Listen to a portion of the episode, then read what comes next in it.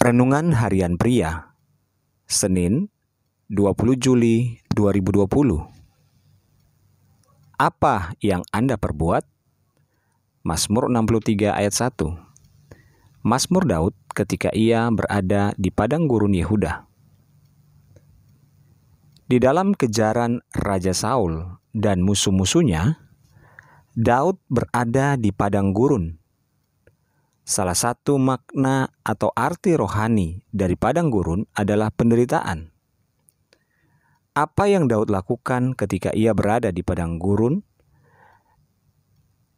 Di dalam penderitaan yang terjadi di dalam kehidupannya, kalau Anda dan saya membaca Mazmur 63 ayat 2, kita akan mengetahui apa yang dilakukan Daud ketika ia berada di padang gurun.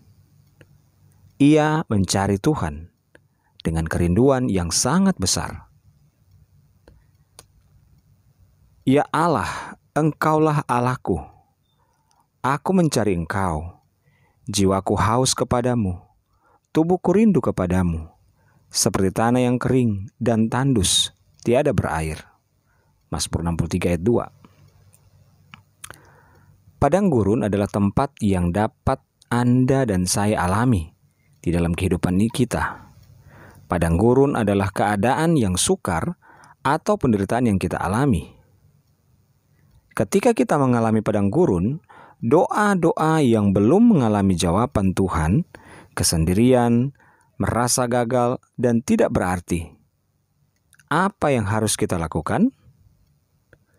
Teladanilah kehidupan Daud yang mencari Tuhan ketika ia ada di padang gurun.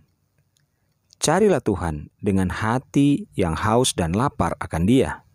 Maka kita akan mengalami hadiratnya yang membuat kita mengalami kemenangannya walaupun kita ada di padang gurun.